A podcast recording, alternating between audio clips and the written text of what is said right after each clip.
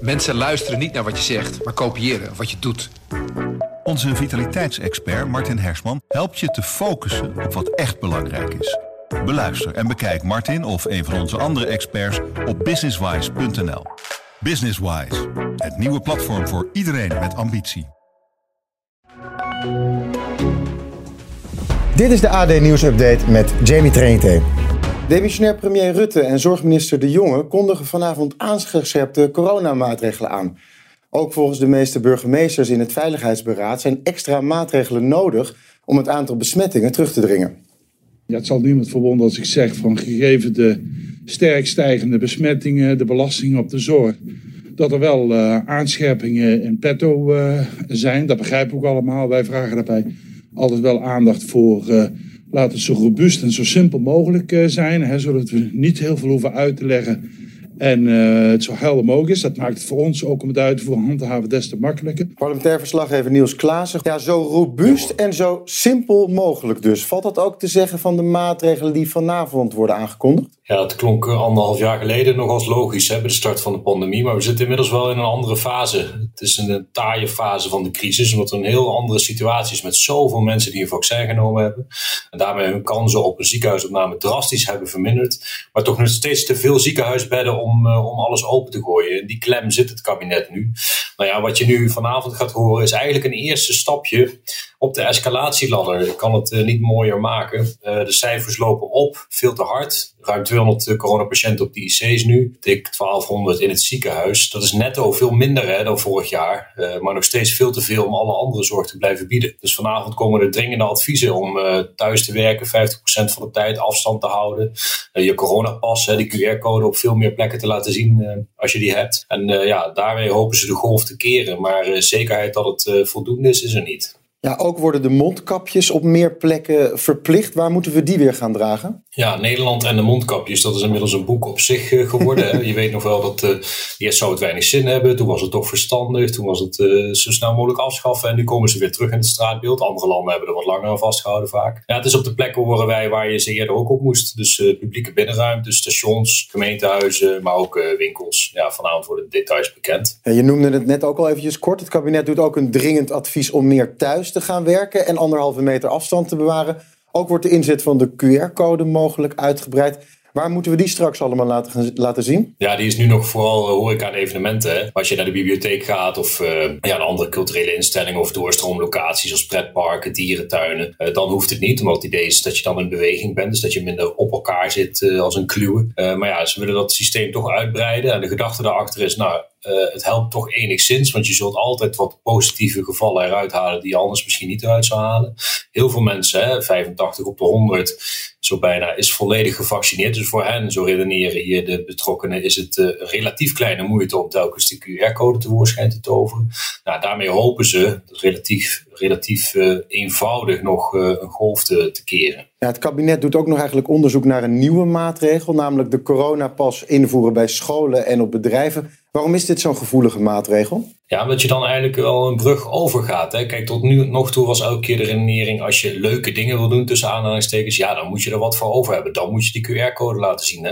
En mensen snappen dat misschien ook wel voor een groot concert... of uh, nou ja, een, een drukke horecagelegenheid. Maar als je dit gaat uitbreiden, dit systeem... naar de werkvloer of naar het onderwijs... ja, dan kom je toch erg aan uh, publieke waar je al een drempel op gaat werpen. Zeker voor de mensen die geen uh, vaccin genomen hebben. Zij zullen dan telkens moeten testen. Nou ja, als jij uh, uh, veel moet werken, dan moet je dus veel testen. Of zij moeten elders werken, dus blijven dan thuis werken in plaats van uh, zo nu en dan op het werk. Want het wordt 50-50 het advies om thuis te werken, 50% van de tijd. Maar daarmee werp je toch echt wel hogere drempels op voor, voor basis noodzakelijke zaken als onderwijs en, en werk. Ja, en dat is ook zomaar niet ingevoerd. Hè. Ik bedoel, in de Tweede Kamer zag je aan het begin van de crisis zo'n brede meerderheid voor alle plannen. Nou ja, dat wordt steeds smaller. En nu zitten ze met de minst brede meerderheid ooit van waarschijnlijk vier partijen die in ieder geval uh, deze maatregelen zouden kunnen steunen. En voor de rest is het toch echt winkelen, even plat gezegd, voor uh, Hugo de Jonge, om meerderheden te krijgen voor andere plannen. Wat wij horen is in ieder geval dat de wetgeving wordt voorbereid om alvast aangepast te worden, zodat de QR-code ook op het werk uh, verplicht kan worden. Dat wordt dus niet vanavond al ingevoerd als dat moet morgen, maar ze gaan het wel degelijk in voorbereiding zetten. En ja, dat is toch echt wel een, een heikele kwestie. Het draagvlak blijft een beetje het vraagstuk, ook natuurlijk bij de bevolking. Want hoe gaat het kabinet deze nieuwe maatregelen uitleggen aan de aan gevaccineerde mensen? Ja, dat is dus het lastigste hoofdstuk nu. Hè. Kijk, hiervoor had je elke keer het verhaal: we doen dit met z'n allen. Uh, uh, we moeten samen corona eronder krijgen. Uh, was vrij vertaald even de leus. En je zat ook bijna allemaal in hetzelfde schuitje. nu is dat anders. Nu hebben we een vaccin tot onze beschikking, als je zou willen. Dat nog altijd erg goed beschermt tegen ernstige ziekten. Wel degelijk raken mensen die gevaccineerd zijn besmet. Hè. Volgens mij op mijn hoofd de laatste maand was van alle besmette gevallen was 40, dik 40% was gevaccineerd. Het idee is wel dat ze milder ziek worden. Dus slechts tussen aanhalingstekens verkoudheidsklachten hebben. Op die IC's is nog altijd het beeld dat 80 à 85% van de mensen ongevaccineerd is. Dus vanavond moet het uh, kabinet laveren tussen aan de ene kant uh, die groep zoveel mogelijk, laten we zeggen, sparen. Door hen de mogelijkheden te blijven geven die er nu zijn. En aan de andere kant toch nog steeds, want dat gaan ze proberen, de andere ongevaccineerde groep te prikkelen om toch die prik te nemen. Hugo de Jonge zegt het overal. Ik denk als je s'nachts hem wakker tikt, dat hij meteen zegt haal die prik. Hij het zit boven in zijn hoofd. Hij vindt echt dat iedereen gevaccineerd moet worden. Hij kan niet dwingen, maar hij wil uh, zo ver mogelijk gaan. Dankjewel Niels Klaassen. De adviezen en maatregelen gaan snel in en dat betekent weer een stap terug. Terwijl we net zo gewend waren aan iets meer vrijheid.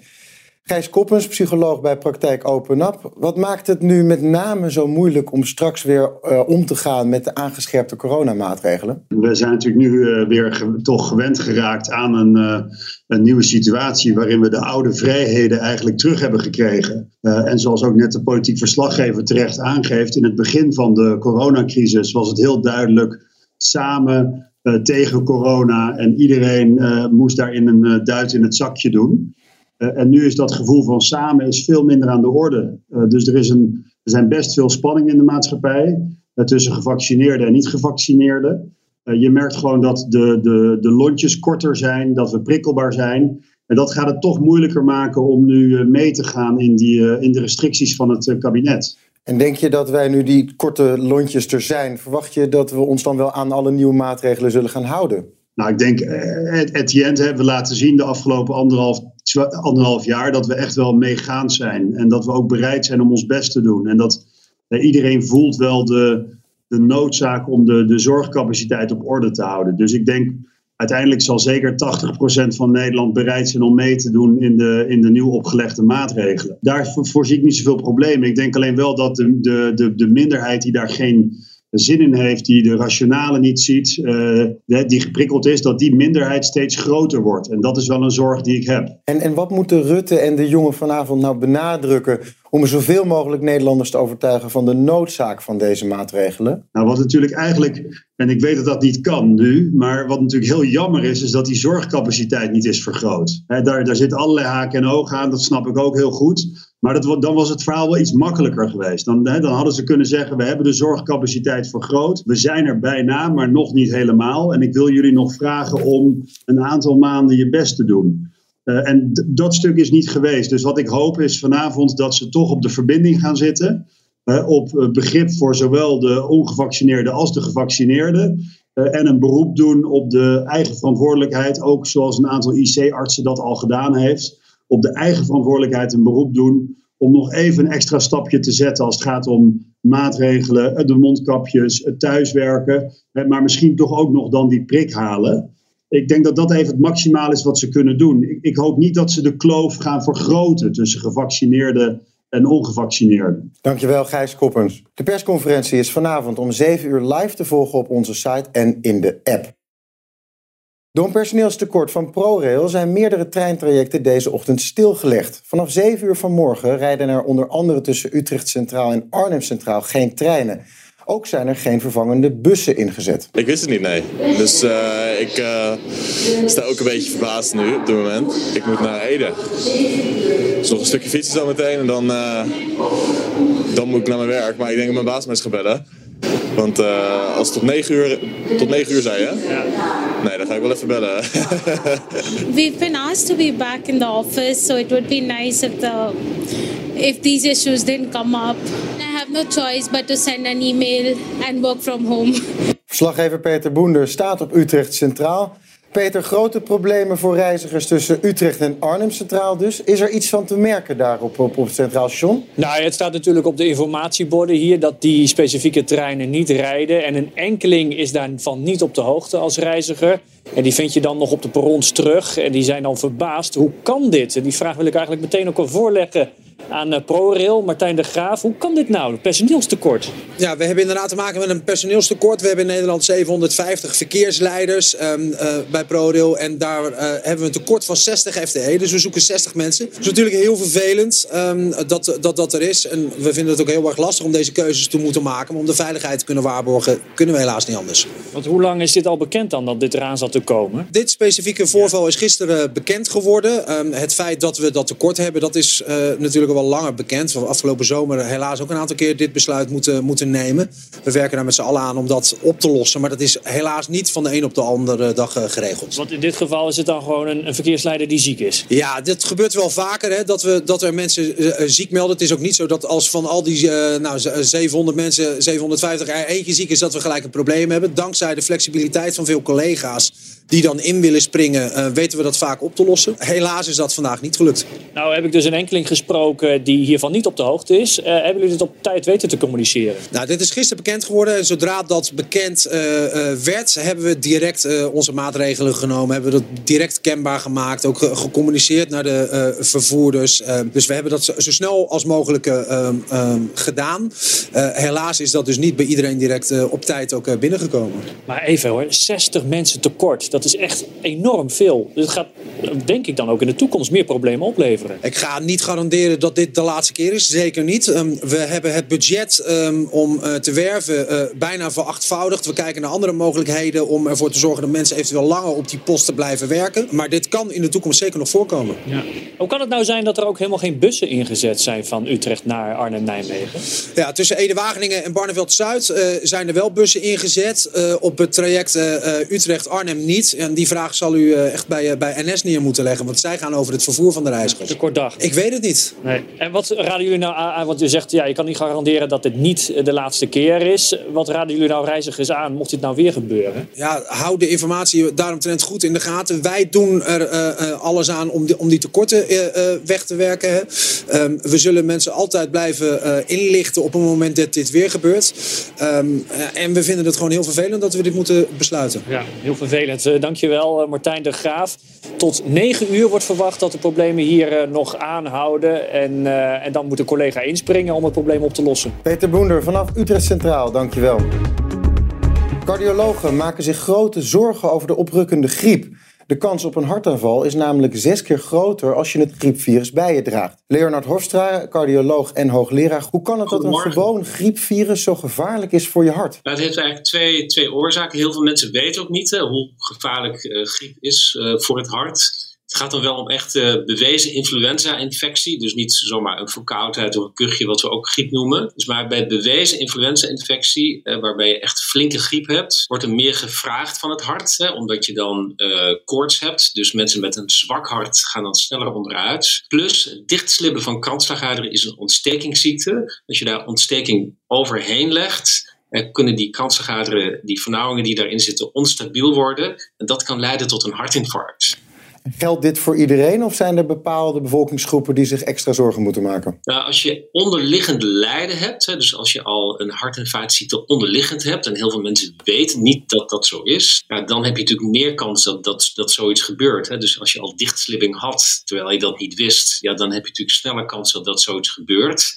En helaas zien we dat natuurlijk veel uh, in mensen die in een wijk wonen, die het niet zo breed hebben, zeg maar. Hè. Dus da daar zien we meer hart- en vaatziekten en een slechtere lifestyle. En dat is vaak aan elkaar gekoppeld. Dus daar treedt het helaas nog vaker op.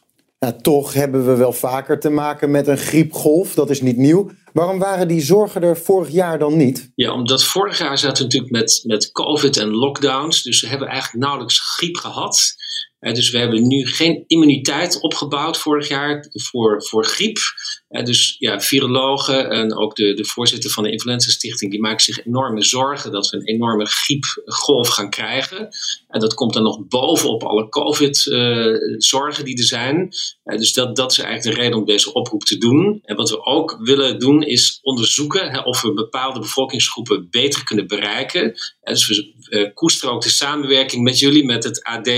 En want in het artikel wat hierover gaat online zit ook een link om een vaccinatieonderzoek in te vullen. En daar gaan we gebruik van maken om mensen beter te kunnen bereiken om zich te laten vaccineren tegen griep. Want dat is heel effectief. Ja, want het is op dit moment natuurlijk al vrij druk op de IC's. Wat moet er naast vaccineren gebeuren, ook misschien in de zorg, om erger te voorkomen? Wat veel mensen niet weten is dat een griepvaccinatie, dus de griepprik, dat die een, een, bijna een derde minder kans geeft op het krijgen van een hartinfarct. En, en, dat is even zo goed als het voorschrijven van cholesterolverlagers of stoppen met roken. En heel veel mensen of potentiële patiënten weten dat niet, maar heel veel cardiologen ook niet. Dus we hebben ook een call to action gedaan naar onze collega's en zeggen van oké, stimuleer zoveel mogelijk mensen, patiënten uit jullie eh, ziekenhuis om, uh, om zich te laten vaccineren tegen griep. Dat is echt dit jaar misschien wel belangrijker dan ooit. Cardioloog Leonard Hofstra, dankjewel. Ja, wie is de rijkste van het land? Dat is vanaf vandaag te lezen in de 25e editie van de Quote 500.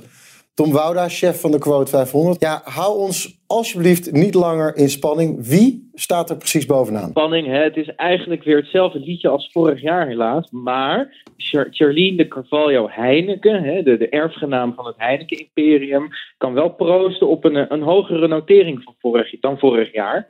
Haar, uh, ja, haar bierbedrijf uh, heeft weer een beetje schuim uh, op de resultaten. En het bruist weer als nooit tevoren. Dus zij is weer rijker geworden. 13,5 miljard is ze nu goed voor. Um, we dachten altijd heel lang op de redactie dat zij ja, onaangeroerd uh, bovenaan, hè, ongenaakbaar zou staan. En tot in lengte der dagen ja, de aanvoerder zou zijn van de rijkenlijst. Maar de nummer twee, dat is uh, Raymond Vos. Dat is een eigenaar van een uh, grote logistieke vastgoedontwikkelaar. Die komt wel een beetje in de buurt. Hij moet nog ruim verdubbelen met zijn 5,7 miljard om haar in te halen. Maar het zou zomaar kunnen dat, ze, dat uh, mevrouw Heineken ooit niet meer kan proosten op een, uh, op een succesvolle nummer 1 positie. Ja, ik heb het ontzettende grote, mooi boek, wat toch al deze hele rijke mensen wel eer aan doet, uh, voor mij. Zullen we de rest van de top 5 eventjes doornemen? Wie staan daar precies in? Ja, dus we hebben na Charlene en Raymond Vos hebben we op drie hebben we de oprichter van Randstad. Dat is Frits Goldsmeding. Uh, ja, oh, net als Raymond Vos helemaal zelf mee. Met niets begonnen en het helemaal zelf voor elkaar gebokst. 5,6 miljard is hij goed voor. Op nummer 4, ja, dat is dan weer een beetje saai. Twee vrouwen die hebben er helemaal niks voor hoeven doen. Hun vader, Dick Wessels, helaas al overleden, was een grote bouwmagnaat. En die heeft uh, ja, zijn imperium aan hen nagelaten. Goed voor 4,3 miljard. En op nummer 5 staat uh, Ralf Sonnenberg. Dat is uh, de oprichter van wat veel mensen zullen kennen, onder andere van Luxaflex. Massa is kassa. Hè? Iedereen heeft wel iets van raambekleding of raamdecoratie in huis. En ja, dat maakt hij. Dus zo is hij de top 5 binnengekomen. Ja, toch wel opvallend is dat de rijkste van ons land dit jaar nog rijker zijn geworden. Hoe valt dat te verklaren? Het gaat eigenlijk ook stiekem best wel goed met de economie. Maar er zijn, er zijn, sectoren die het zwaar hebben. Dat zijn horeca, reizen. Ja, en heel eerlijk, dat zijn niet de sectoren waarmee je sowieso in de quote 500 zou komen. Dat, daarmee word je niet extreem rijk. Dat zie je, dan moet je toch in andere sectoren als vastgoed. Dat zien we dit jaar heel duidelijk. Dat dat enorm floreert. Hè? Schaarste. Iedereen die uh, aan het bouwen is of veel vastgoed al had, ja, die ziet dat die waarde enorm toeneemt. En daarnaast uh, tech dat is natuurlijk eh, de heilige graal bij investeerders. Dus iedereen met een, snel appje, een supergoede website of uh, handige software, ja, die, die, eh, die, ja, die ziet ook zijn vermogen enorm toenemen. Ja, ook de Oranjes, die zijn, je zou kunnen zeggen, traditiegetrouw weer terug te vinden in de lijst. Mabel van Oranje Nassau zag haar vermogen met maar liefst 57,1% stijgen. Hoe heeft ze dat voor elkaar gekregen? Ja, het is opnieuw. hoe heeft ze dat voor elkaar gekregen? Door achterover te leunen. Nou, dat klinkt heel onaardig. En ze heeft een belang in Adyen. Dat is een betalingsverwerker. Iedereen die op internet iets koopt, die, eh, die rekent natuurlijk af via de digitale kassa. En dat bedrijf verwerkt die betalingen. En zij heeft een klein belang in dat bedrijf.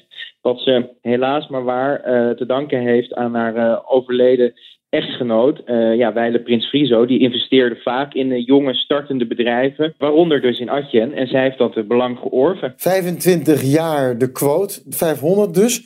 Wat is volgens jou nu, als je terugkijkt, het meest opmerkelijke moment geweest? Uh, nou, wat ik wel een, een, een, een, krachtig moment vond, was in 2009 was er een enorme grafstemming. Hè, eigenlijk in heel Nederland, maar ook onder de rijken. De cover was zelfs zwart. En dat kwam omdat ja, er viel eigenlijk helemaal niks te jubelen. Iedereen ging in de achteruit. En als je dat vergelijkt met nu, we hadden toen bijvoorbeeld ook nog Dick Scheringa, uh, de woekeraar uit Wochnum, die viel na de deadline uit de lijst. En toen moest er nog een inlegvelletje komen om uh, ja, de waarheid recht aan te doen. Het kon niet meer hersteld worden. Dus toen waren de rijken, die, die, toen een klein beetje een economische crisis aankwam, hadden die rijken het mega zwaar. En nu zie je dat ze juist gewoon uh, superkrachtig zijn en dat uh, die economische tegenwind goed het hoofd bieden. Dus je ziet gewoon net twaalf jaar later, de rijken hebben wel wat geleerd en kunnen wel tegen een stootje. Dus ik vind dat wel heel opvallend dat de geschiedenis zich gelukkig niet nog een keer herhaalt. Tom Wouda, dankjewel.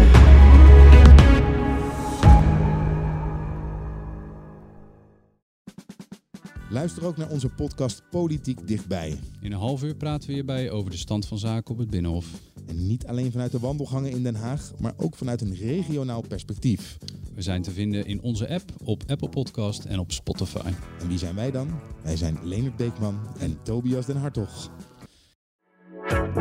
Mensen luisteren niet naar wat je zegt, maar kopiëren wat je doet.